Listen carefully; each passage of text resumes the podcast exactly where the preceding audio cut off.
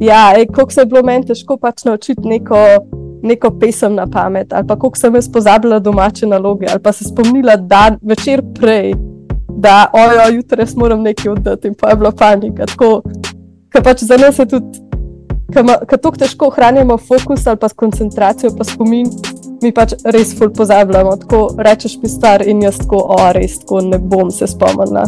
Recimo to, ko ADHD ljudje imajo probleme z nadziranjem, ne kontrole nad sabo, ampak kot se že rekla, te izbruhi. Recimo, za me je bilo to tudi ful značilno, pa to je ena taka tema, ki mi ni najlažja. Ka, ne vem, ti nekaj ni prav, pa kar izbruhneš, pa kar ne moreš zadržati tega. Pa isto se recimo to doma dogajalo. Tako, kot je v bistvu meni odlegal, ko sem imela to diagnozo, pa sem rekla, le mami, se ti spomniš, kot sem jaz se zadrla ali pa ne vem kaj. Le, to je bilo to, kar pač se ti enostavno nabere ko si ti otrok, ali pa tudi, ko imaš ADHD, ne moreš sploh procesirati tega in to je edino, kako ti lahko pač se tega kot zlebiš, tega občutka.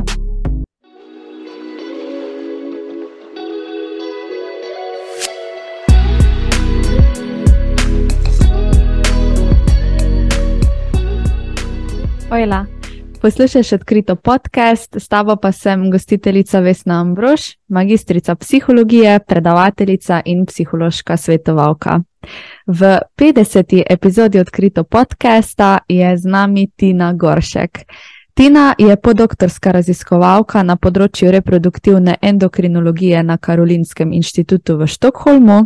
Pred kratkim je doktorirala iz ginekologije in porodništva v Gracu, predtem pa še zaključila študij prehrane in biomedicine v Münchnu.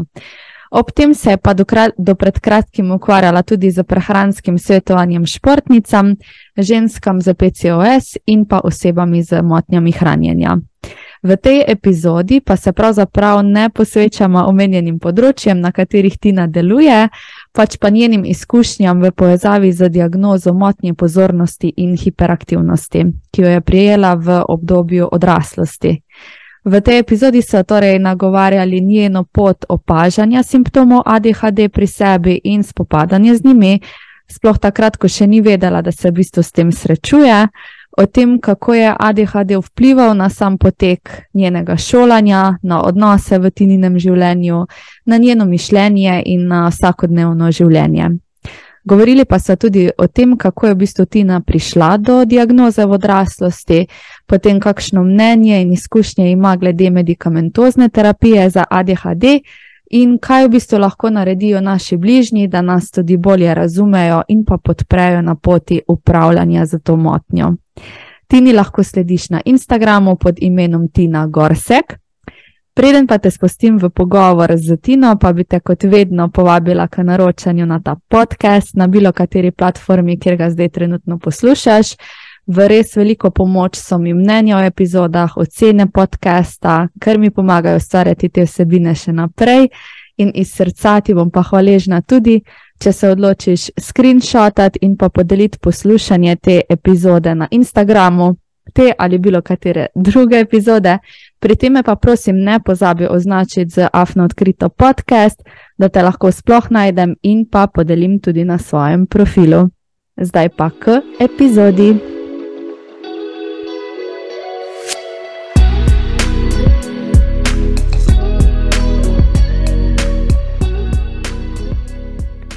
Evo, Tina, dobrodošla. Najlepša hvala za povabilo. Z veseljem, z veseljem. Kako si, malo povej najprej, da vidimo, v kakšnem razpoloženju smo te zdaj vlovili. V ful, takem navdušenem razpoloženju. No, se po mojem, to je tako malo bolj moj default razpoloženje. um, ja, po dolgem delu, um, dnevu v službi, um, precej stvari se je naredila, ampak jaz mislim, pa če sem zdaj ful dobre volje, ful navdušena, da danes uspem pač malo več povedati o svojem življenju oziroma o tem, kdo sem. Ponavadi na podcastih sem govorila pač o tem, kaj delam, uh, pa bolj pač znanstvene zadeve, zdaj pa prvič tako malo bolj v sebi in v bistvu malo sem tako nervozna, ker je res tako, mislim, da bo šlo kar dost v osebne stvari, tako da. Bomo šli tako osebne v osebne stvari, kot boš želela, kot boš pripravljena deliti. Drugače pa res, ja, ko, so, ko se delijo nekakšne življenjske zgodbe, je verjetno čist drugače pristopiti na podcaste, kot pa na tak način z profesionalnega vidika. Nisem pa vedela, da si že bila na podcastih, drugače bi jaz naprej to poslušala. Tako da vidiš. Ti bom poslala vse linke. no, prosim, pošlji mi, da vidim. okay. Super. Ti te bom pa jaz v začetku tudi prosila, da vseeno malo opišeš tudi tvoje področje dela, pa mogoče s čim se ukvarjaš, pa kaj rada počneš, pa in tako nasplošno eno tako sliko nam oriši, kdo je ti na goršek. Ok. Najprej, kdo sem jaz, pa ne bom začela s, s tem, s čim se profesionalno ukvarjam, pa bolj, kaj me zanima. Um, jaz sem vam še kar za športnico, za nekoga, ki je zelo navdušen nad naravo in trenutno pač živim na švedskem in uživam pač v raziskovanju švedske, um, švedske kulinarike, švedskega okolja, učim se švedsko. Tako da mi to vzame precej um, mojega časa. V prostem času zdaj um, so s fantom začela tudi snemati podcast, da, um, ampak bolj na temo pač. Um, razmeri, pogovorov in komunikacije v partnerskih odnosih. Um, profesionalno pa, ja, veliko stvari. Trenutno sem pač podoktorska študentka, raziskovalka na um, Karolinskem inštitutu tukaj v Štokholmu. Na področju reproduktivne endokrinologije in metabolizma um, ukvarjam se, raziskujem sindrom policističnih jajčnikov, Um, prej sem naredila doktorat v Avstriji na področju ginekologije, drugače pa sem vam še zmer za um, nutricionistko. Torej, to je nekako moja izobrazba. Poleg tega pa um, sem se zadnje par let ukvarjala tudi sveto, s prehranskim svetovanjem in sicer um, svetovala sem športnicam, predvsem tem, ki so se znašle nekako na robu motem prehranjevanja um, in temu relativnemu energijskemu primankljaju v športu. Imela sem nekaj um, strank s, policistični, s policističnimi jajčniki, oziroma pa sindromom. In pa pač ja, te motnje hranjenja so bile kar velike, in smo tudi nekaj sodelovali in delali neke workshope na to temo uh, z neko kliniko. Tako da tudi jaz, recimo, ko vem, da si imela tudi ti neke, neke podcaste, um, tudi jaz sem se zadnjih par let ukvarjala s tem um, in bi bila tako res ena tako zelo zanimiva izkušnja, no, um, za katero pa pač trenutno nimam več do, dovolj časa, oziroma se ne morem posvetiti več temu 100%, tako da je to nekako v, v odzadju. Je ful dobro, meni se zdi, da si tukaj njih področje naštela, pa tukaj različnih stvari, da vidim, da ti ni dolg čas. ne, po mojem, mislim, se vem, da še nisi napovedala, da bomo govorili o ADHD-ju, ampak to je pač ena stvar, ki jo ADHD ljudje ne prenesejo in to je, da nam bi bilo dolg čas. Nam pač po mojem nikoli ni dolg čas v življenju, ker pač non-stop najdemo neke nove stvari, da bi jih delali tako, nekaj nam, o, to je ful zanimivo in potem gremo takoj v to in nakupimo na vso opremo, um, se izobrazimo, like, tako spremenimo svoje svoj življenje in da nas naslednje par tednov samo to zanima, tako dokler pač ne mine. Je ful dobro. Mislim, to je ena taka stvar, ko je a blessing and a curse, bi verjetno lahko rekel, in tako boš o tem ti več potem povedala, ampak sliši se na tak način. Ja. Itak um, o ADHD-ju bomo danes celo epizodo nekaj govorili, pa tudi sedaj o drugih stvarih, pa bomo malo prepletli tvoje izkušnje, tvoje življenje s tem. Mm. Uh, drugač pa, da mi še malo več pove, jaz nisem vedela, da si trenutno na švedskem. Kako je tam, ja. kaj se kaj dogaja? O, o, kaj se dogaja? Uh, ne vem. Um, v bistvu se mi zdi, da sem se tako, sem še zmeraj v procesu integracije glede na to, da sem se pač že prej velikokrat selila, se mi zdi, da je bil to, ta zadnja selitev pač največji šok za me, um, tako culture shock. Um, ljudje so precej, precej drugačni, okolica narava je precej drugačna, um, mesto je ogromno. Tako da nekako sem še zmeraj v procesu privajanja na to, oziroma, oziroma v nekako izoblikovanja svojega ritma um, in življenjskega sloga, ki bi jim pač ustrezal. Um, drugače pa ja, ne vem, zanimivo. Pač poleti smo imeli 16 ur sonca plus. Tako da zime so pač izredno, izredno dolge, um, dnevi so izredno kratki. Drugače pa ne vem.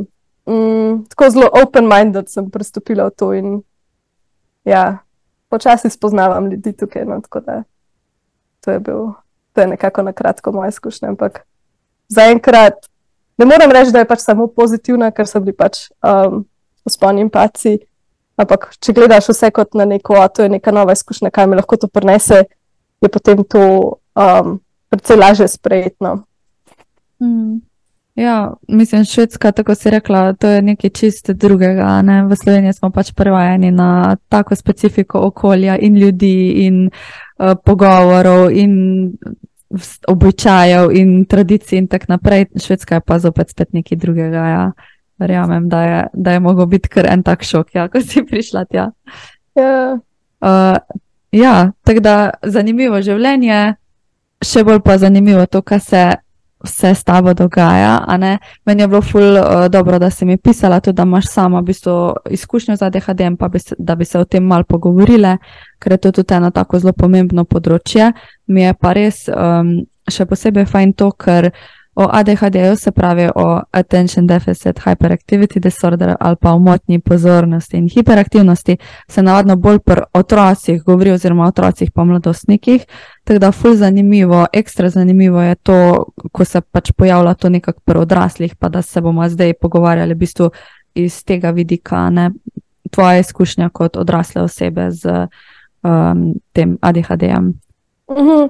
Ja, jaz sem videla, pač se mi zdi, da tujini je zdaj res en tak boom diagnosticiranja, da kar naenkrat vsak lahko pač pride do, do diagnoze, lih da ne. Um, se mi zdi, na švedskem, v Avstriji je to res še dobro regulirano, nekje v UK, Ameriki pa plačaš lahko in v štirih urah dobiš diagnozo.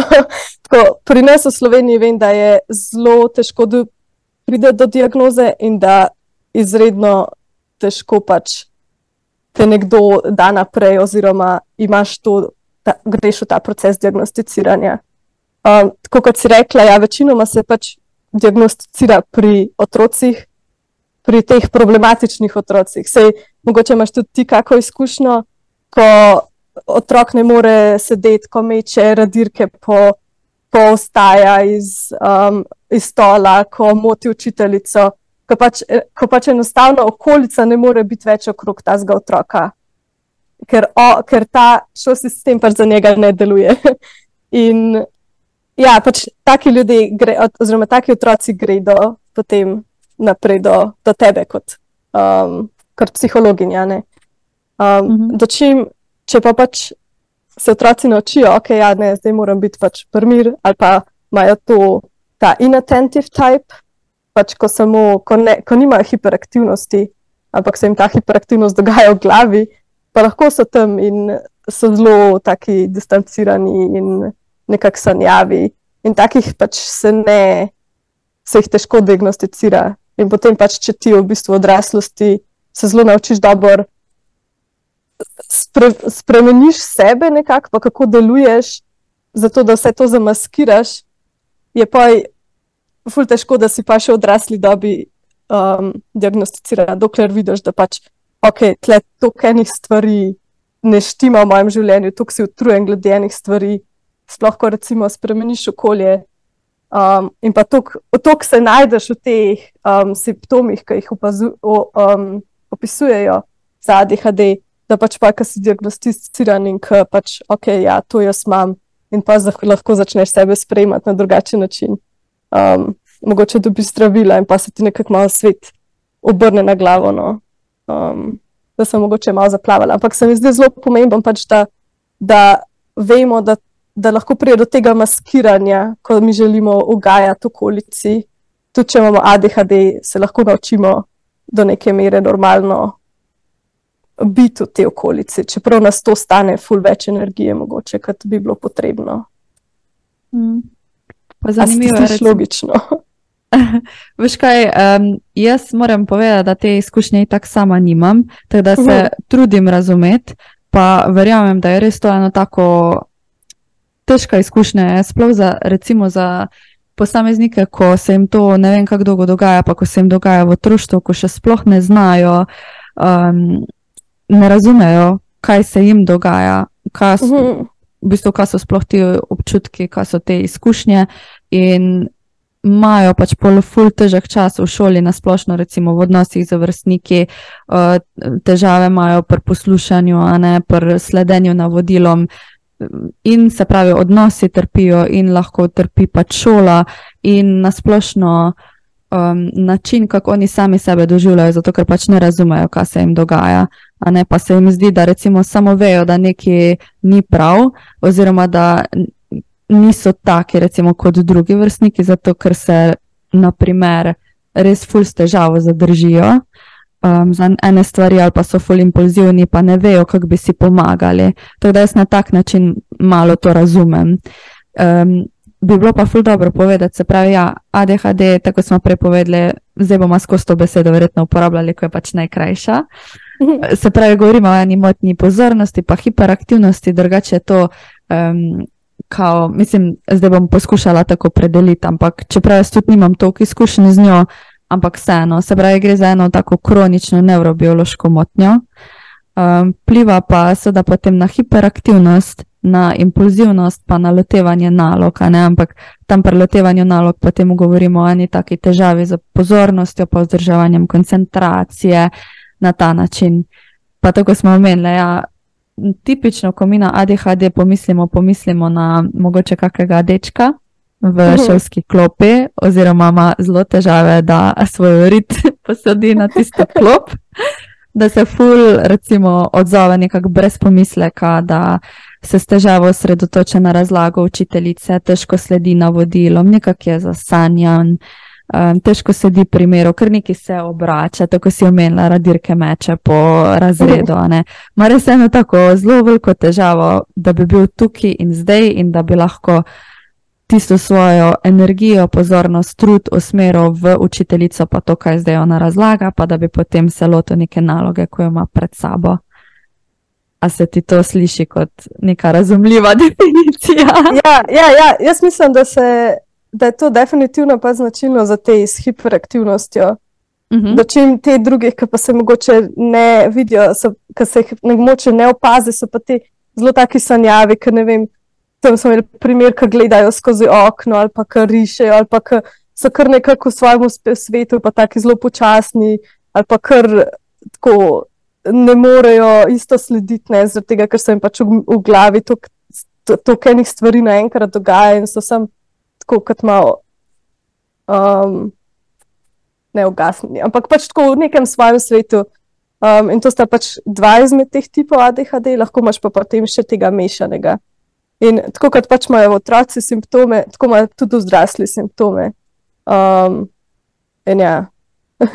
tako pač, pa, ki greš pa čez te simptome, se mogoče jih lahko malo našteje, ali pa vsaj te, ki so se pač pri meni pojavili. Zdaj, mogoče veš, se bom pač čel čas igrala pač s tem, za koliko časa se bo z mojo, um, kaj je to, od, od slušalk. Um, ali pa bom imela nekaj pač le drugega, jaz pač nekaj moram delati. In to je bilo pač tudi, recimo, v mojem otroštvu. Jaz sem grizla svinčnike, jaz sem grizla radirke, risala po zvezkih, uh, cufala zvezke, um, stalno grizla sem nohte, obnohtno kožico. Tako vse take zadeve, kot da se moraš nekako fizično zaposliti, da se lahko umiriš. In to so pač neke take strategije, ki jih potem razviješ, da lahko slediš nečemur. Um, in tudi ne vem za odrasle, tako da delajo prav ADHD igrače, da ti lahko pač nekaj v rokah imaš, pa da se igraš z njimi, da lahko pač normalno razmišljaš. Um, Kaj pač ja, tako kot si že prej rekla, da um, ja, to je še eno od simptomov, pač jaz zelo skačem iz ene teme na drugo. Prej sem to jela, ker si, ker si rekla, da je to pač um, nevrobiološka motnja. Um, pač najbolj enostavno povedano, mm, mm, ADHD ljudje imajo nek primankljaj teh um, prenašalcev v možganjih. In no, mi imamo tako pomankanje dopamina v glavi, mislim v glavi, v možganjih, to se zelo res sliši. Ampak se mi zdi, da primarni cilj naših možganov je, da skozi najdejo ta dopamin. In mi bomo pač delali vse te stvari, da bomo si zagotovili ta dopamin, da bomo pač lahko normalno um, funkcionirali. In pač pa delaš razne te stvari in imaš probleme s koncentracijo in vsem tem. Ja, in kar si rekla, pač pri otrocih, tudi meni so tako učiteljice skozi. Ja, ona je tako pridna, da bi bila lahko vsaj malo prmira enkrat. A, in pa tako, ko greš na diagnozo, pa jim tam to rečeš, pa tako, ja, to je pač eden izmed simptomov. Ne, da um, sem bila očitno ta deklica, ki pač nikoli ni bila prmir. Ja, je pa zanimivo, recimo, ne, da si, se pravi, ti imaš ta tip, ki je bolj a, mešan. Ali? Ja, jaz sem mešan, tako da včasih imaš tudi neko se, ko si pač v svoji glavi, pa da si tisoč misli in kaos mm. naenkrat. Uh, ja, zato ker je recimo pri, um, oziroma veliko krat se pri deklicah bi naj pojavil ravno bolj tisti tip uh, nepozornosti, težave s koncentracijo, težko sledi, navodi, težko sledi navodilom, pa to, tako si rekla, recimo gledajo zasanjani, gledajo skozi okno, čisto v svojem svetu. Uh, pri fantkih pa načeloma jih večkrat um, vidimo v tem bolj hiperaktivnem položaju, ne, da so bolj taki razigrani oziroma res uh, fidgeting, ne za njih značilen, ja. skozi, da imajo neki, tako si menila v rokah, pa da se nekaj pač dogaja fizično, pa ne morejo sedeti primerov, pa tako naprej. Teda zelo zanimivo, ne, da se pa pri tebi pojavlja ta mešan tip. Ja. Mm. Mm, ja, po mojih deklicah tudi tako, se mi zdi, da so deklice ful bolj dovzetne za te um, signale iz okolja, kot so ne vem, starši, da ti govorijo, pa da je to tekalce ne delajo in pa kar nekako nehaš delati te stvari. Tako, kot sem že prej rekla, kako ta okolje v bistvu vpliva na to, kako ti si in mm. katere stvari ti delaš. In se mi zdi, tudi zaradi tega, se mi zdi, da pride do tega maskiranja in je to še en razlog, zakaj mogoče ostajajo. ostajajo um, nediagnosticirane. Točno. Pa tudi to, da mogoče, ne vem, 25 let, 20 let nazaj ljudje niso to pomislili, da imaš mogoče ADHD. Ker pač težko, oziroma po mojem ljudem težko razumeti, da tudi ljudje, ki imajo ADHD, so lahko pač uspešni. In ponavadi je nekaj, kar si ti rekla, ja, dečki pa, pa se ne morejo učiti, pa imajo slabe ocene. Prvem, recimo, ni bilo, jaz nisem imela slabih ocen, sam so pa moji starši pač naredili res vse, da sem se jaz spravila v učenju. pa da so me spominjali, pa, pa take zadeve, ki mi zdaj tako, ki mi prijejo za nazaj. Tako, ja, kako se je bilo meni težko pač naučiti neko, neko pesem na pamet, ali pa kako sem jaz pozabila domače naloge, ali pa se spomnila dan večer prej. Da, ojo, jutri moram nekaj oddati, in pa je bila panika. Tako, pač za nas je tudi, ker tako težko ohranjamo fokus ali pa koncentracijo, pa spomin, mi pač res ful pozabljamo. Tako rečeš mi star in jaz tako, o, res tako ne bom se spomnila.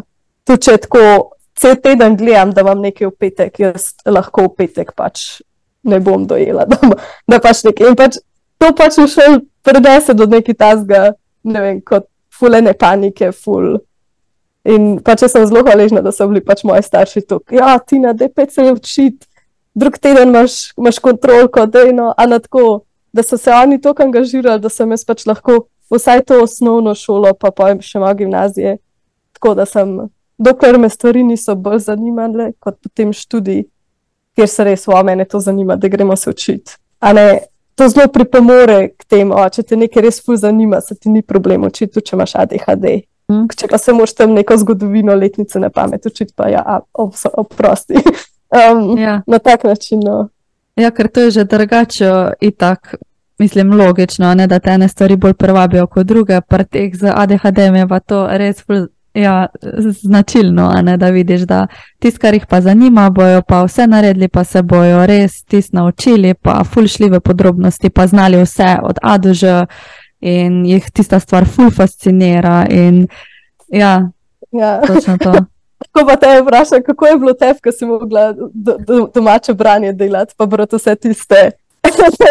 Tako, en, en, en, eno, en stavek, pa sem bila drugi, tako res.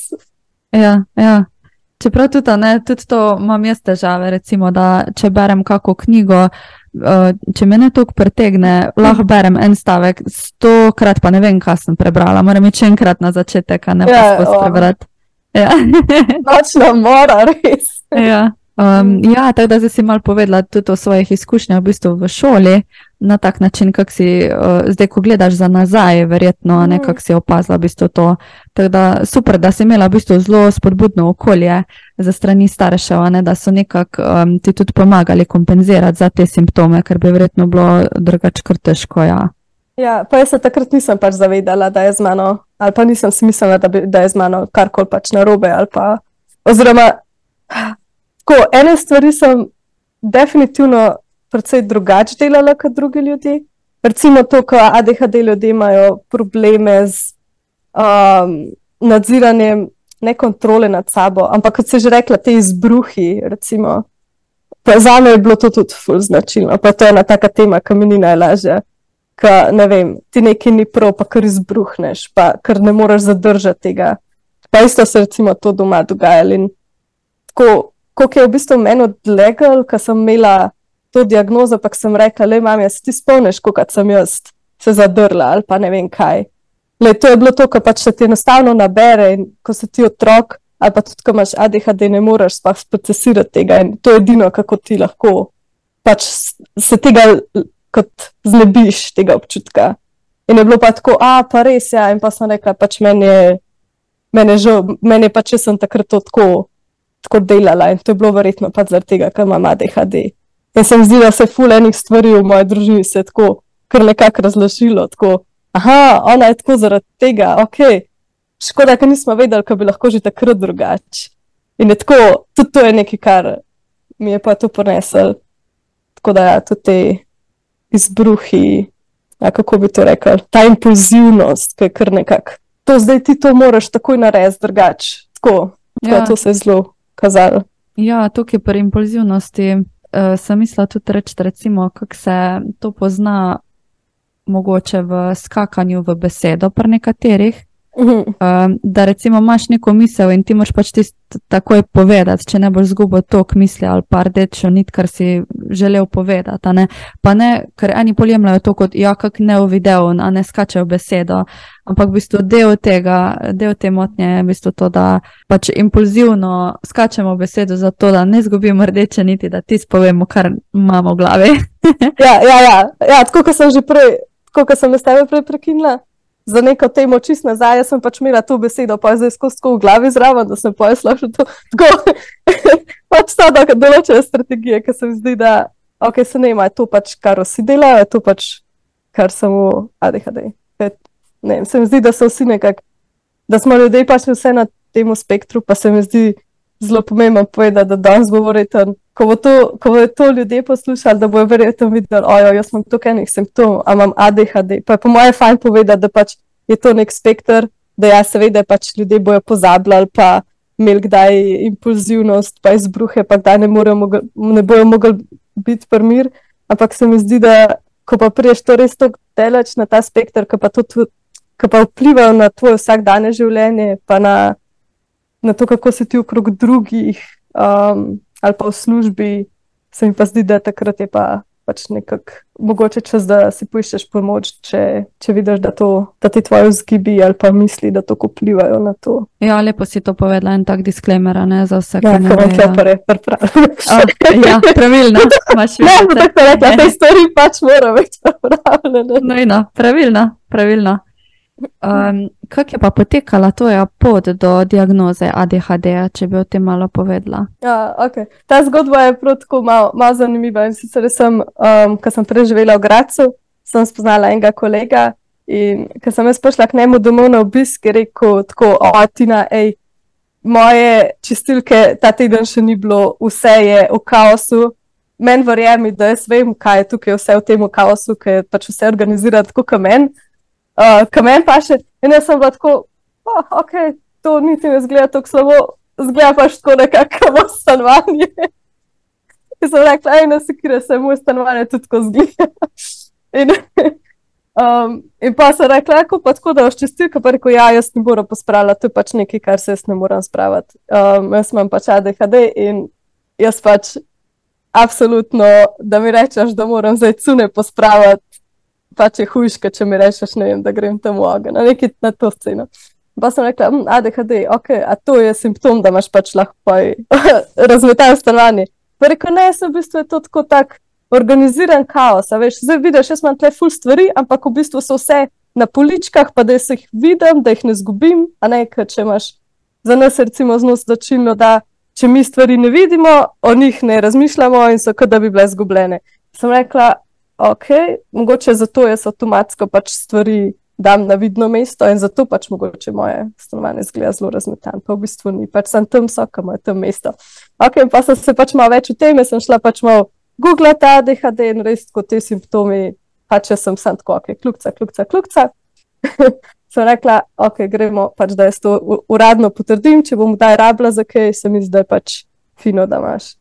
In v Avstriji pač to tako zgleda, da se pokliče, da pač pokličeš, to je tako na pol samo plačniško, kot ti neki zavaralnice vrne, ampak je to zelo hitro do kliničnega psihologa pokličeš, dobiš, ne vem, če 14 dni pač termin. In potem imaš tri srečanja po 4 ure. In to je intervju, ko pač greš čez tvoje sedanje življenje, otroštvo, neke teste rešuješ um, in ona te stalno spremlja, kako se ti obnašaš, kaj delaš, ne vem, z rokami ali pa. Tako da je res tak en tak celosten, celostna obravnava ali pa celost. Um, in tudi tvoji starši morajo izpolniti nek, neko, neko vprašanje, kako si bil ti kot otrok.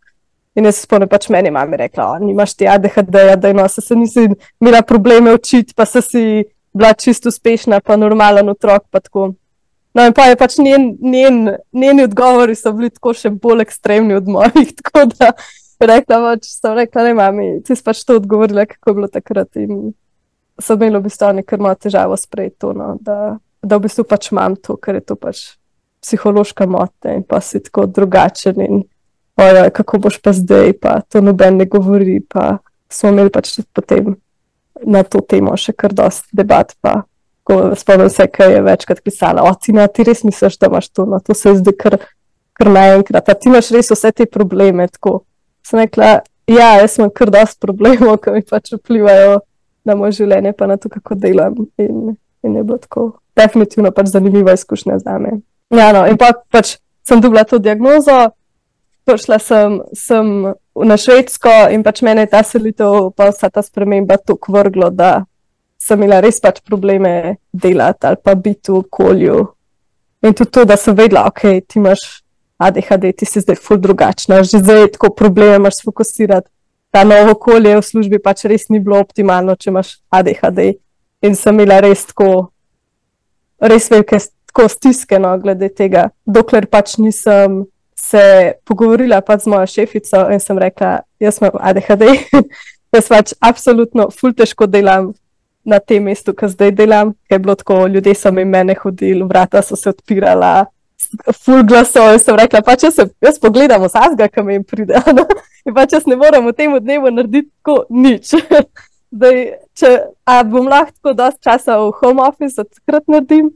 In je bilo tako pač, a ti, nale, ti se boš tam le presedla na, na čist na konc, da boš tam imela svoj kotiček in mir. In tako res so mi prišli naprota no, s tem, da so mi probali fululajšati, da, lahko, da pač lahko zdaj tam no, pač normalno delam. Pa bom dala odklepa, ker pač so pač dobri, pa slabi dnevi. Ampak to je bilo tako zdaj na kratko, kako v bistvu pač sem prišla do diagnoze in bi verjetno o tem, kako pač to vpliva na moje življenje, lahko še, še ful bolj razglabila. Ampak po mojem imaš ti še kakšno vprašanje, tako da se bo lahko vrnil še na to temo.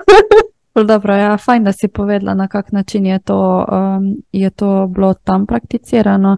Zdaj tukaj v Sloveniji tudi v bistvu je relativno podobna pota, ne? se gre tudi do kliničnega psihologa, se izvaja različni testi, pa se potem pač uh, ta diagnoza lahko tudi potrdi. Zdaj, ful mi je pa zanimivo področje zdravljenja. A ne, kako je zdaj to, pa recimo za zdravili tudi, a jemliš kakšna zdravila, a, uh, ali se nisi odločila za to pot? Ja, jaz sem pa, ker sem se pač res srečala s to stisko tukaj na švedskem, sem se odločila, da mislim, da bi bilo pač dobro, da probam zdravili.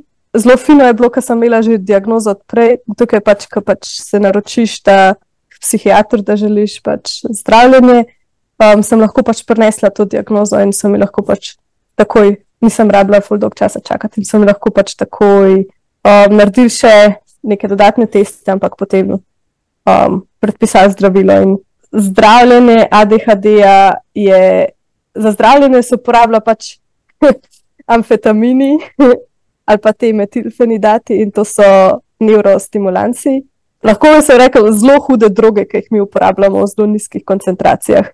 In kaj te droge pač naredijo, oziroma zdravilo, bom rekla zdravilo, zato ker za nas je to zdravilo, je, da ali preprečijo razgradnjo dopamina, oziroma pospešijo izločanje dopamina. In to pač za nas je to nekako, naši možgani končno dobijo to, ok, imamo zdaj to, da se pa lahko skoncentriramo na vse ostale stvari, ki jih prej nismo mogli delati, zato ker smo skozi iskali ta dopamin um, ali pa te stvari, ki nam dajo pač ta do, dopaminski hit. Um, in tako se ti tudi nekako spremeni ta življenje. Tako. Spomnim se, kako je bilo pač prvič, ko vzameš to, jaz sem pač jemljem te metilfenidat in da ti pač najprej najnižjo koncentracijo, in potem stopnijo, dokler pač vidijo, katera ti najbolj ustreza. In jaz se spomnim, sicer je bila res najnižja koncentracija, ampak tako po kakšni uri, dve, ki sem vzela, je bilo kar tako, kar tako tišina, ker, ker tako slišiš naravo ali pa slišiš take, ni več šumov v tvoji glavi. Kada bi bil tako v vakumu in potem samo ljudje normalno govorijo, ni več kot da bi bil, ne vem, v gostilni, kjer je še 5000 drugih stvari. Ful, meni je bilo ful zanimivo, pa sem pa tudi prebrala, da nekateri ljudje tudi to izkušijo, da tudi če si ti na neurostimulansih, takih pač res hudih. Ne vem, jaz sem bila kar tako, prvi dan sem bila kar zaspana, kar tako tok si sproščen, da si kar tako, jaz sem bila kar tako, ne, ne, ne v smislu, da bi, bi, da bi bil zadet, ampak ne vem, tako, da bi se od te joge nidre prebudil ko delaš dolgo meditacijo, pa si kar tako, oh, ok. In to sem bila sred dneva, pa en kup, en kup stvari na tudi sem imela. Ne, mi je bila res taka, ne vem, tako zanimiva izkušnja. No, in zdaj pač od takrat naprej um, to vedno jemljem. Mislim, da do zdaj še nisem pozabila tega vzeti, ker pač me je kar malo strah, no, kaj bi se zgodilo, če bi imela kakšen fulna trpan dan v službi in da ne, ne bi vzela, se pa tam ne bi mogla skoncentrirati, ne, če si lahko pač prvo še in mi nekako pač tudi ustreza, da pridem domov, pa imam še vedno dovolj energije. Ker prej je bilo tako, jaz sem prišla domov in sem šla tako direkt spat, oziroma neki skrolat, da sem bila kao po koncu. Ja, zdaj pa pač tako, ok, tako brez težave narediš neke naloge, ki prej bi ti bile tako, najprej priprava bi ti vzela. Ful energije in potem, da narediš to, da je lahko, ne vem, pošiljanje par mailov, pa se že od tega tako utrujen. Da... Ja, tako da definitivno pač izboljša kvaliteto življenja. Ne izboljšati vsega, da ste pa tako, da rabo še naprej sam delati stvari, da spremeniš te navade, ki si, si, si jih dobil zaradi ADHD-ja. Ne vem, ta neko skrolanje ali pa zabijanje časa z nekimi brezveznostmi, pač to pa ne zgine. Ampak zelo lažje je pa pač odložiti telefon, pa se fokusirati na neko drugo stran, stvar. Um, ja, kako bi še upisala izkušnje? po mojem, razlika je, če si se prej, ne vem, da imaš odprtih pet um, okn vem, na, na računalniku in da se kar nekako ne moreš na nobenega dotakniti, pa bi mogel to narediti, pa je o tem neki bolj zanimiv, pa unšum, kar tako ne moreš se lotiti ničesar. Pa, pa si na teh zdravilih, je pa kar tako, da bi tvoje misli ratale take um, stiki, In ne vem, ko se nekaj lotiš delati, kar lahko tam ustaneš in lahko kar do, dokončaš stvar. In pa se lotiš naslednje, ni uno, da 5000 stvari naenkrat skačeš in je pa vse tako zelo overwhelming. Tako da moj ta stiki je tak fudober, fudober pis, tako da to je nekako. Ja. Uh, to je ful dobro, ja, če zdravila omogoča densko to, da se osredotočaš na eno stvar, pa tisto stvar poli spelješ do konca. Ker verjamem, da, je, da zna biti fulja obremenjujoče, ko imaš tisoč različnih misli, pa stvari, ki bi jih mogel početi, in pol sam laufaš od ene do druge. Recimo, pospraviš eno stran postelja, pa se vmes nekaj drugega spomniš, pa letiš tja, pa skuhaš kafe na pol, pa prideš še drugo stran posle pospravi. A ne tako si predstavljam, da je v bistvu tako malo tu, malo tam, malo tak, malo tak. In tako si tudi eh, v možgančkih, a ne in na vzven, v bistvu. Ko pa, če si pa lahko pomagaš za zdravili, je pa to ena čudovita stvar, ne? zakaj ne bi tega naredil, če je to ena taka možnost, da ti pomaga, da te malo umiri, da te malo nekako pomagati tudi prizemljiti se, da nisi toliko floating all over. Ne? Ja, se mi zdi, da um, je dosta dilema, ja, zdaj pa rabim pomoč, ki ima ADHD ali pa. V bistvu se mi zdi, da so zdravila samo neka taka, nek tak medij, ki ti pomaga vzpostaviti pač neke te dobre, um, dobre prakse ali pa dobro rutino, da tebe potem te stvari ne um, overwhelmajo toliko. Mislim, da sem hotela pač povedati s tem, da ni nič slabo, če, si, če posežemo po teh zadevah, če pač imamo res tisko ali pa da si želimo pač izboljšati te naše nevade ali pa da dobimo v bistvu to samozavest. Meni je to tudi tukaj rekla, ker imaš veliko pa teh follow-up um, srečanj s, te, s to psihiatrinjo ali pa s psihoterapevtko. To v bistvu Ja, ko ti enkrat dobiš to, to samozavest, da, da si pa ti sposoben to nalogo narediti. Pa ne bo to, da samo greš na pošto, pa da pošleš pošto brez tega, da mine pet dni, pa da se pet dni sekiraš, ker nekako še kar nisi dost motiviran, da bi šel to iskati. Ali pa neke take zadeve, da si ti v bistvu dobiš to samozavest, da si sposoben, ne vem, delati 8 ur ali pa da si sposoben sedeti tam in upraviti neko nalogo da je že to tisto, kar, kar ti lahko pomaga, da ti pomaga to v tvojem življenju. Ja, pa kar si rekla, da te malo pomiri tudi to. No. No, mislim, zdi, da je pač lahko fin aspekt, ker se mi zdi, da ko imaš enkrat ADHD, pa se lotiš nekaj, da bi imel rutine, da se je to tako. Težko držati, da v bistvu sam se postaviš neka previsoka pričakovanja, da zdaj boš pa ob 8 vstal, pa 10 čez 8 boš naredil jogo, pa 15 čez 8 boš jedel. In pa kar tako, Ja, dva dni potem pa pač pozabiš na to, in pa ko pozabiš skozi, spet se nisi mogel držati. Ker nekako ne moreš najti neke te srednje poti. No. In se mi zdi, da ja, pač zdravila se mi zdi, da ti lahko pač pri tem pomagajo. Pa ne, da imaš strikten urnik, ampak samo da lahko hraniš nekaj, kar je tako sustainable. Ja, se mi pa zdi, da je kar tako. A, si, a imaš tudi ti mogoče izkušnje, da, da so ti zdravila za za mentalno zdravje, ker tako stigmatizirana, da kar tako nobeno njih ne govori. Mm. Nobeno njih ne govori, pa prva stvar, ko jih želiš svetovati tistim, ki bi jim res pomagale, pa bi jih nekako iz, tiste pre, iz tistega preplavljenega stanja vsaj malo dvignile na površje, da bi lahko zadihali. Um, v takem primeru začnejo kar odklanjati, ne, ne glede na to, ali govorimo o antidepresivih, ali govorimo o kakih drugih zdravilih. Se mi zdi, da je prvi odgovor, ko ga dobiš, ne, ne, jaz ne bom na zdravilih, boh ne dej neke kemije vnašati v telo, uh, to je zadnja stvar, jaz bom prej vse drugo poskusil. Ampak včasih je res tako, da se vtapljamo v tako venem oceanu temnem in gremo v brezno in ne vidimo drugega izhoda in se dušimo dobesedno. In recimo zdravila pomagajo vsaj na tak način, da ti prideš iz tega brezna do površja, da lahko zadihaš, pol so pa še vse druge stvari, veščine, kot jih lahko psiholog pomaga, doseč psihoterapeut, kot te pa iz morja potegnejo na en čovn. Mhm. To je pa pol tista stvar naprej, ampak včasih je zdravilo res tisto, ko ga rabiš, da te vsaj pripelje do tega, no, da lahko mal zadihaš, da se mal umiriš, pa potem zafunkcionira še boljše. Ja, kot meni se recimo tudi. Meni se zdi, da v bistvu, če imaš ADHD, ja, lahko tudi pač čisto normalno, brez zdravil funkcioniraš. Ampak se mi zdi, da toliko ene energije moraš vložiti v to, da ti normalno funkcioniraš, da ne moreš. Pač da, ja, če ti imaš neko tako življenje, ki ti fulustreza ali pa življenjski slog, ne vem, da si zelo aktiven ali pa da ni toliko stresa ali pa da ni toliko neke službe, kjer moraš biti non-stop tam, da si zelo bolj tako na free, se mi zdi, da ja, da lahko pač komod handlaš. Če pa je to, da je full stresa, da imaš full enih nalog, da imaš full um, nekega pritiska, pa se mi zdi, da je to full težko, pa pa še nek ritem, živl, pač življenjski ritem v hrani, pa se mi zdi, da je lahko to pač predvsej lažje zdravili. Točno tako, ja točno to. Ampak imamo še pa eno tako dolgo pot do tega, da bojo ta zdravila tako sprejeta, no že nasplošno. Um, med ljudmi nasplošno pa je tako do potem pri tistih ljudeh, ki jih pa dejansko potrebujejo.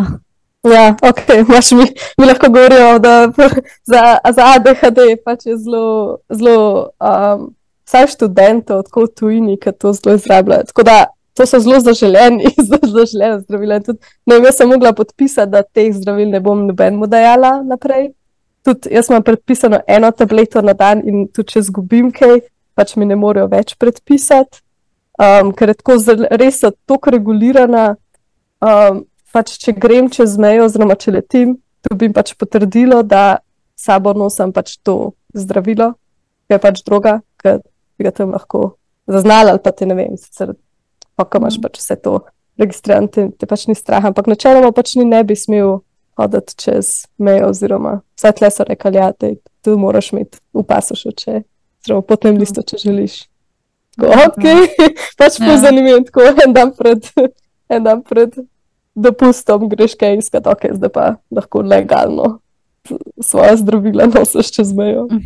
Kot ja. normalno. No. Uh, ja, to, kar si rekla, sem tudi slišala, ja, da nekateri izrabljajo ta zdravila, tudi da se lahko, recimo, vem, boljše učijo, se pripravljajo na izpite, pa jih pač potem uh mhm. -huh. eno krajše obdobje tudi jejo. Ampak to je res tak, ne tega delati. Ko... Ja, ne, se mi zdi pač tudi tako mm. za, za ljudi, ki nimajo tega. Ni to primerno, ja, definitivno ne. Ja. Da pač ne pridejo brez rizika. Ne? Točno to je. Ja. Še vseeno gre za zdravilo, a ne ko se predpisuje takrat, ko je potrebno, ne pa kar teka, ne, če v bistvu se rabiš samo malo bolj fokusirati. Te, mogoče je fajn, da posežeš po kakšnih drugih strategijah, um, pa se na tak način pripraviš tudi do tega. Uh, ja, Um, zdaj ti tudi potem, recimo, ko si dobila zdravila, pa si lahko na tak način malo bolj zafunkcionirala.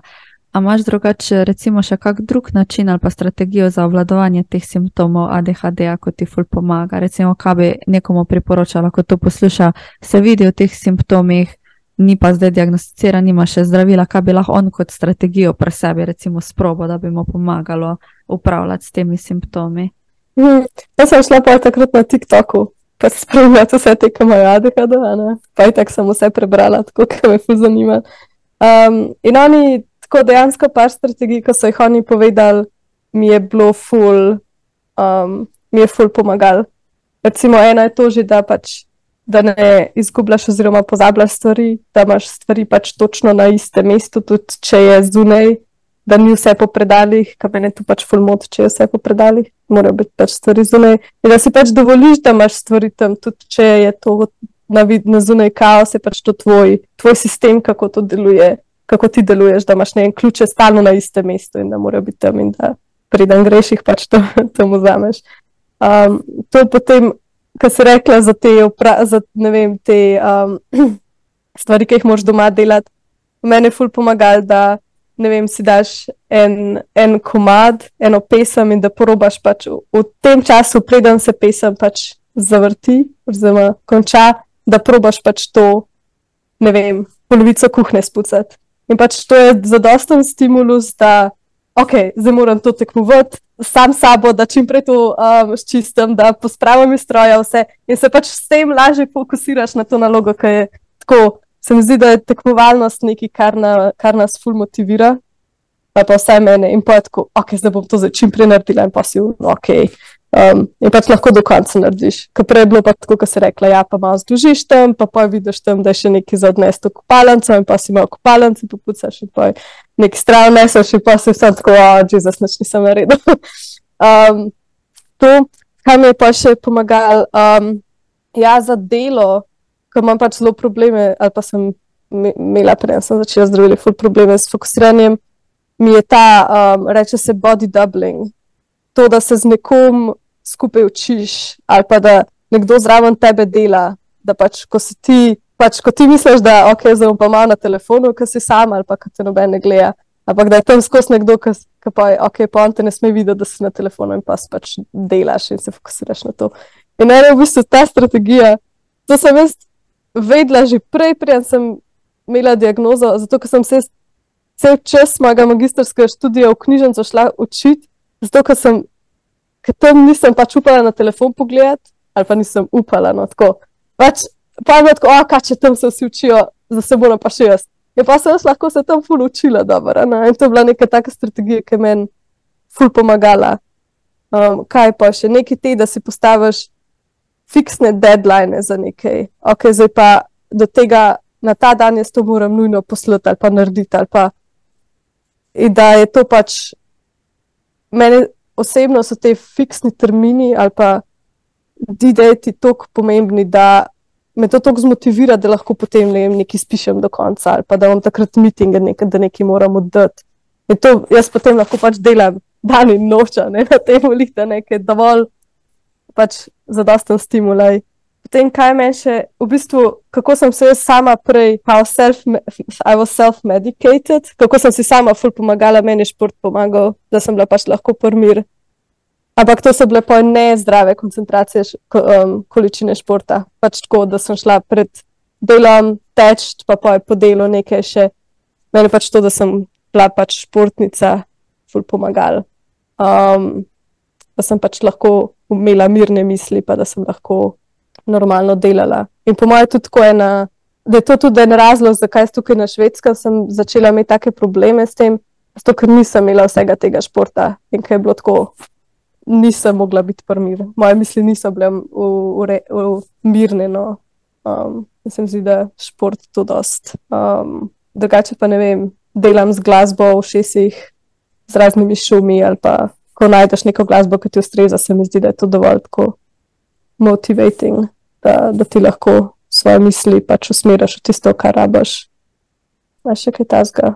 Ne vem, če se bom pa spomnil na tem, pa še vedno. Ampak moje to je bilo nekaj pač par takih nasvetov, ki je bilo meni. Ja, ali pa da, ne vem, meni je bilo ful problem je pospravljati isto, pa ne da imam pač stvari, ja, odvisen, kako se komu zdi. Okay. Um, ampak tako da v času, ko imaš največ energije, pri meni je to pač zjutraj, da takrat pospravljam. In jaz sem imela pač vsak dan, preden sem šla, sem si zadala, ok, en del stanovanja pospravil. Tako v tem smislu, da tik preden greš, da je še to pospravil, in pa je bilo deset minut, dost, da sem jaz pač um, imela stvari urejene. Ne, po mojem, tako, tako sem pač kopala do, do zdaj. Mm se si pol veliko strategij naštela, tako da jaz upam, da kdorkoli zdaj to posluša, da se bo malo našel v tem, pa da bo lahko apliciral te stvari, ker tako je v bistvu pa videl, kakšne pozitivne učinke iz tega. Ej, aj, veš, kaj sem pa razmišljala vmes, zdaj, ko si to govorila, sem se spomnila, a je to res, uh, da recimo, povej mi, no, če imaš tako izkušnjo, da si daš ti, ne vem, tako smo mi dve zdaj imeli, ob šestih se dobimo na podkastu, Pomaž pa recimo ti, ne vem, par ur prej ali pa kaj težave, karkoli drugega dela, zato ker. Da, malo več mi o tem povem. Jaz ne znam, ja. fajn razložiti. Ja, da nekako čakaš, a ne na ja. dogodek, da vmes ne moreš karkoli drugega delati. To sem ja, nekje slišala. Ja, ne, se, jaz se fulkrat ful najdem v tem. Ne sicer vedno, če vam kaj, da vam ne vem, sestanek s šefico in da jaz moram nekaj oddati, jaz bom pač delala do zadnje minute, ker tako, ok, zdaj moram dokončati. Če pa tako neki podcast, pa ker sem recimo delala s strankam, um, fulene nervoze pa anksioznosti pred tem. Tako, mislim, zdaj s tabo ni bilo lih, da sem ful čakala, ampak recimo, da sem bila jaz eno uro prej že tako redi in pa pač, ono, ok, in zdaj pač ok, sem se bila fanta tukaj, da sem se pogovarjala, pa kar tako, no, kaj gledaš na uro, a že, a že tako, no, kot nek to pričakovanje ali pa, ja, isto pred tem terminom, ne vem, zanj sem bila zdravnika, zjutraj malo čez osem in pač zdaj sem šla ob šestih, tako, ne, ostala sem ob šestih in pač tako, ok, da nam zdaj zamudila, se mi zdi, da nas vse toliko skrbi, da bi nekaj zamudil, da se pač toliko skoncentriraš na to, da je takrat ta, ta termin ob tej uri in da zdaj res ne smeš pozabiti in pač, da ne rataš, da te nekaj drugega ne zamoti ali pa ne zmoti, potem pač greš v ta full, full, full waiting mode. Jaz sem nekje to, ne vem, kje sem prebrala. Mislim, da je na Instagramu nekdo razlagal ali da je na YouTubu nekdo rekel. Ja da kak ima neki, ne vem, ob treh popoldan, da je čist cel dan onesposobljen dobesedno delati karkoli drugega, ko pa razmišljati na to, da ima ob treh popoldan neki nek sestanek, pač neki. Ne? Okay. Po mojem, ni to.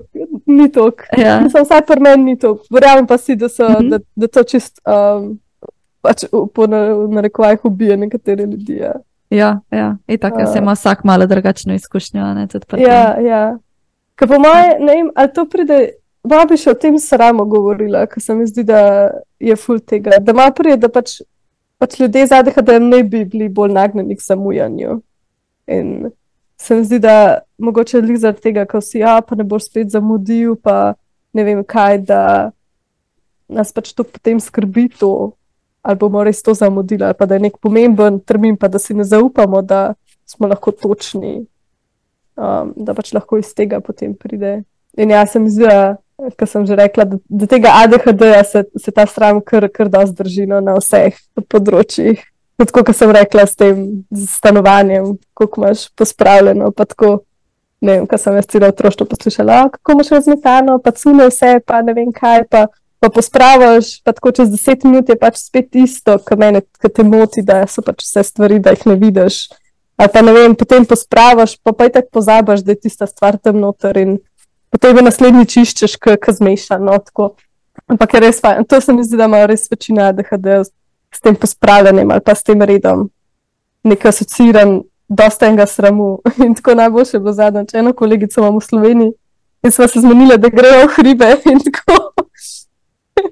Da sreča, in tako je zamujala, pač ko je stadek, in tako je zamujala, pa je pač se dobiva in tako še neke stvari, da, da je za to ubila, ker je bila tako nerobe. No, pa se ne reče, ti na sarju sem mal malo razmetan avto, pač jaz, sem se, jaz sem se jokala od smeha. Pač itak, lončki tam od kave, to pač tako smešno, zato ker se to lahko poistovetim, ker pač tisto, jaz vem, da in meni in je, bi bilo, je najtežje tisto flašo prazno, ni zato, da je to. pač, ful je dobro, ker se zelo lahko smejem vsemu temu, ker prej je bilo pa kupene tako, ojoj, spet, spet me bo krivila ali pa krivil, ker se tam neki imivala, ampak imam pohan smeti po avtu. Ampak je pač sem tako, ok, pač jaz spremem, da meni pač težko te stvari ven iz avta nesti ali pa pospraviti ali pa. Um, ja, no, tako da, kot te izkušnje, ki jih lahko ti, ko preživiš nekaj časa z drugo, da kada osebo, se mi zdi, da kratko sem z vami delujemo na čez drugem nivoju, kako se mi pogovarjamo. Tako, tako kar nekaj skačeš iz ene v druge, pa še kar vsi vejo, zakaj se gre. Lahko sledijo, ne? Ja. Ja, in tako se pri njih isto dogaja. no. Zdaj sem tam šla s to kolegico na pohod in vmes sem imela že tri um, biznis ideje, že razvito vse, kako bom in da to vse delala, tako strategijo, vse zagrete. Ne, no, se zdi, ja, da je. Tako ful dobro izkušnja, če se lahko taki ljudje med sabo povežejo, pa pač lahko odkrito pač deliš te svoje stiske ali pa te sramo, ta, ta sram, ki ga pač nosimo, kako mi v bistvu imamo neurejeno po stanovanju ali pa en kup enih stvari ali pa kako se obnašamo ali pa kako ne moramo biti prmir ali pa se mi zdi, da je pač zelo pomembno o tem govoriti ali pa upam, da se bo hmm. kdo prepoznal, pa da bo rekel, da jaz sem tudi tak. Ampak lahko pa sprejmem, da, da sem. Ker se mi zdi, da pri meni je bilo to sprejemanje v bistvu mi je največ prineslo, da pač sprejmem, da ne bom mogla osebno delati v službi, če me stvar pač ne bo zanimala, ali pa da ne bom mogla biti prmir, ali pa da bom včasih tudi sam par ur delala, če me bo to tako izčrpalo. Tako no. Ja. To je ful dobro, ja, tako si omenila, da imaš nekoga, da v bistvu da veš, no, da se tudi drugi ljudje s tem soočajo, pa tudi da imaš mogoče res ob sebi kako tako osebo, ko se ne rabiš med, eh, zdaj ti imaš srečo, recimo imaš prijateljico, se s tem tudi sooča, uh, se lahko malo o tem tudi pogovarjata, pa tako. Če pa nimaš koga, pa vseeno lahko recimo poslušaš tudi podcast ali pa na YouTubu pogledaš kak posnetek ali kakorkoli, najdeš te ljudi okrog sebe, se obkrožiš s takimi ljudmi, um, mm. da pač veš, no, da v tem nisi sam, pa uh, ti je temu mogoče tudi na tak način malo lažje. Dokler pa tega ne veš, pa i tak misliš, da si od one out, pa ti je pač ful težko. Mm. Ja, pa tudi ne. Okay, zdaj v Sloveniji res ne predstavljam, da bi kdo o tem na delovnem mestu govoril, ampak tle je recimo to ful odprto. In jaz sem pač potem s celo ekipo svojo govorila, da jaz imam to pač če me vidite, da sem full fokusirana, prosim, če mi lahko napišete mail ali pa da me ne zmote, ker pač, če padem iz tega, pač lahko da se bom mogla spet full truditi, da grem nazaj ali pa tako da včasih pač bom doma in bomo doma delali ali pa neke vse druge strategije, ker in so bili pač tako, da so sprejeli, da jaz vem, da sem lahko pač taka, kot sem okrog njih. In se mi zdi, da jaz pač to lažje delam, tudi toliko bolj sproščena sem tam, ker prej je bilo krsko, so, kaj si bo mislil, zdaj grem pa že ob treh domov, ker pač lahko sam še eno uro gledam tle v zrak in je tako vse na sem doma ali pa v službi. In se mi zdi, da se tako kar naenkrat potem, ko imaš vso to podporo, oziroma ko te sprejmejo, no tako, ne, ta sprejemanje mi je bil zelo pomemben. Pa ne kot je partner, da če vidiš, da imaš to, da se odkrito, pa da ti ne reče, da se jaz imam tudi to. Ampak da reče, da ja, je ful zanimivo, da ti to tako dojemaš ali pa da ti to tako delaš, pa da ni potem, ko si spet pozna, ko spet si izgubila vse, ena, da ni te neke te krivde um, zaradi enih stvari, ki jih pač mi delamo. Ali pa se po mojem nasplašeno partnerstvo, ne se kdo si pa želi non-stop poslušati, da ko si spet ti to, ko si spet ono, ali pa da je to pač pomemben. Jaz sem zdaj, da enkrat imaš to diagnozo, ali pa da se zavedaš tega, pa da vidiš, kako to vpliva na te, da pa tudi lahko drugim ljudem bolj predstaviš, hej, jaz pa to tako delam in to je pač moj način. In... Mm. Ja, ful dobro si omenila, ne glih to tisto. Da, sploh v partnerskem odnosu, da imaš nekoga, da razume, skozi kaj hodiš, a ne da razume tudi simptomatiko, tudi če um, ne ve točno, ne, s čim se soočaš, ampak še vseeno, da razume vsaj tek logično, ok, to je mhm. del njenega ADHD-ja, da ni res tistega obtoževanja, pa da ne rabi, mislim, da nimaš ti tudi pri sebi nekih takih občutkov krivde. Teda, to je fulepo, da imaš eno tako osebo ja, ob sebi, da v bistvu na tak način tudi lažje zafunkcioniraš v odnosu si predstavljam, da je veliko teže, če pač imaš nekoga, ko enostavno se ne potrudi, da bi kakorkoli razumel, ali pa da tudi ti ne poveš, da se s tem soočaš, je potem res eno tako veliko breme in na tebi, in na okolici, v bistvu, ko ne ve, mhm. kaj se dogaja s tabo. Mhm. Um, da mi povej, kaj bi si ti še mogoče želela za kot eno tako zaključno misel, zato ker smo že na eni uri pa deset minut. Ja, okay. ja najbolj. Ful, uh, ful hiter mi je minil ta pogovor, sem ja, videl. Ja. uh, da mi povej, recimo, kaj bi si ti želela, da bi ljudje razumeli ali pa vedeli glede ADHD-ja v odraslosti. Mogoče sem tako, da bi bili ljudje bolj odprti, da ne razmišljajo vsi tako, kot ti razmišljaš, ampak da ljudje razmišljajo pa delujejo na fulejnih različnih načinov, pa da imajo ljudje probleme pa stiske in da se jih ti mogoče tega ne zavedaš. Tleh sem še en primer povedala, ker zadnjem so na Twitterju fulšimfal, ker je, je ena ženska pozabila otroka v avtu. In so, a, kako si lahko to pozabila, kakšno je to mati. Sem tako misliš, ok, če ima nekdo ADHD, pa če je ful, tako se hitro zamoti z drugimi stvarmi. Jaz se tako, ja, jaz še sama sebe pozabim, da je ki, a veš. In pa tako, jo, kaj če ta ženska pač pa se imaš neke druge stvari. Ampak kaj če se to nekomu zgodi, ali pa tebi, ki pač imaš ADHD in je to pač samo neka tvoja pomankljivost, ali pa zakaj ljudje pač ne, ne morejo to mogoče videti z drugimi očmi, ali pa to bolj tako so, sočutjem pristopa do tega.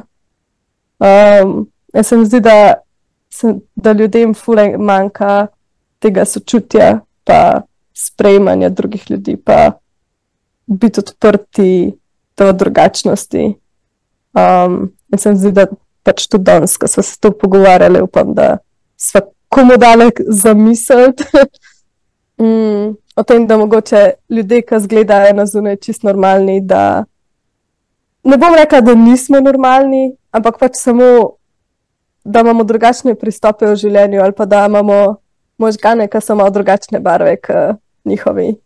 In pač to mogoče danes, če so naštevali samo neke slabosti, pač ADHD prenese tudi enih ful dobrih stvari. Um, definitivno. Tako da ni to samo pritoževanje, ampak Ja, so veliko lepega, ne tako si omenila. Če boš se v neko stvar, da te bo ful zanimala, se boš lahko 110% fokusirala v njo tudi. Tudi recimo, se pa ne bi bilo možno, gledaj, kako izobrazbo imaš, ne. Če v bistvu ti si rabila dati ful neke energije, tudi v to, da si prišla tako daleč, ko si kar Mhm. na splošno človek, da ful energije, da pride do take točke, tako si ti zdaj. Um, tako da za v bistvu ADHD je, tako smo prej na začetku povedali, tudi en tak blessing, ker ti je pač omogočil, da si se fokusirala v to, kar te res zanima. Ja, je mogoče en tak kik dodaten dal za to stvar, ne? Ja, pa da iščeš neke nove rešitve, neke nove hobije, neke nove stvari, ki te zanimajo.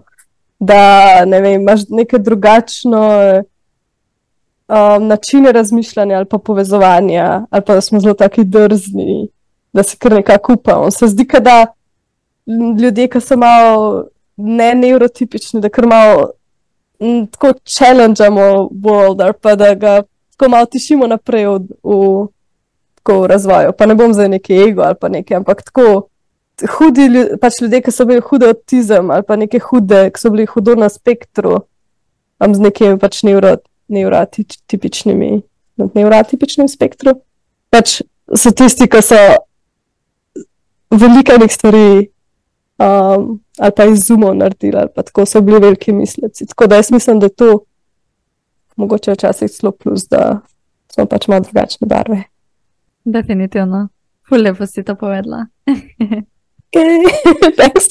Sem razmišljala o tem. Ful. Ne, tako se mi zdi, da ne smemo gledati, kot da, da smo hendikepirani. No. Absolutno. ja. Pa se osredotočiti na tiste svoje in tako močna področja, pa Ja. na vse strategije, še ko jih lahko ob tem uporabiš? Ja. Svet pa je tako ni narejen za nas. Pač nam so dali TikTok, ki si pač lahko dva dni skupaj gor. Pa... Hvala Bogu za TikTok, ala. pač rej, kot to je, da naštima. Prav, da bi naštima nam tako te um, traps, kamor se lahko ujamemo, tako, no. pa Instagram, pa pa si malo ven, ko se ga navličaš, pa TikTok, pa bohe kaj bo zdaj. Ne, samo je full fajn, a ne, ker ti tudi eh, družbena omrežja, ne glede na to, koliko krat govorimo, res da je tok negativen vpliv, da zaradi tega je tok nekih primerjanj, pa tok neke. Um, ga tudi poslabšanja, ne vem, duševnega zdravja, itd. itd. Še Mhm. vseeno pa po eni strani dušev, um, družbena omrežja dajo en tak pogled v neka stanja, ko drugače ne bi mogel recimo do njih priti, ne vem, a ne da vidiš nekje nabor enih simptomov, pa si tako, ja, kljukica, kljukica, kljukica, ne, Mhm. kaj ti to je. In dejansko lahko prideš v bistvu do nekega spoznanja o sebi, ko ti olajša razumevanje sebe, se bolj bolj sprejmeš, nekako lahko potem tudi okolici poveš za to in je vse skupaj lažje, ne, tako da Mhm. Mhm. definitivno je to ena taka lepa stvar. Ja, pa da vidiš, da so, ja, pa da vidiš, da so pač ljudje, ki pač grejo res skozi, da ne isto, ali pa ki delajo iste mm. stvari, um, da so pač tam in da okay, tako, ne počutiš se tako osamljenega. Recimo. Um, to je. Dobro, Tina, uh, vlk smo povedali, mene pa zanima še za čist za na konc, kje te lahko ljudje najdejo, če te bojo iskali na družbenih omrežjih ali pa spletni strani. ja, oh, jaz sem se zdaj sem na tokanih stvari, ampak ja, najboljš na Instagramu, kjer se zadnje čase trudim tudi malo pisati o ADHD-ju in o tej moji izkušnji. Um, ampak to pač po. Odvisno od motivacije, pa kako sem. Um, drugače pa pač na teh omrežjih tudi veliko delimo o teh motnjah prehranevanja, pa o, o športni prehrani. in Vsem že se zdi, da o veliko vsem pišem. No, tako, da, um, tako da na Instagramu, na Twitterju, kje sem še. Lahko pač daš linke, lahko ti dam linke. Tako Ja, da- bomo polinkali vse v, v opisu epizode. Mhm. Mislim pa, da vse na Instagramu imaš uh, Tina Gorsek, a ne? ja, Skupaj pisano. Ja, ja. ok. Okay. Dobro, tako da ljudje vejo. Super. Uh, Tina, jaz ti bom rekla, da najlepša hvala, da si si vzela čas, ful hvala, da si nam odprla tvoj svet, en tak uh, svet nekih zelo posebnih izkušenj ADHD-ja. Meni je bilo ful fajn se s tabo pogovarjati. Jaz upam tudi, da je bilo tebi v redu, pa da se nisi na kjerkoli točki počutila, tako da preveč eh, skačemo uh, v tvoj oseben prostor. Um, tako da res ti hvala. No. Ja, hvala tudi tebi. Um, ne, mislim, da sem pač delila to, kar je bilo pač meni um, v meri, so ne obdobje. No, super. Uh, hvala ti, lep večer ti želim še naprej. Pa vsem, ko to poslušate, tudi uživajte, pa se vidimo potem v naslednji epizodi. Čau, čau!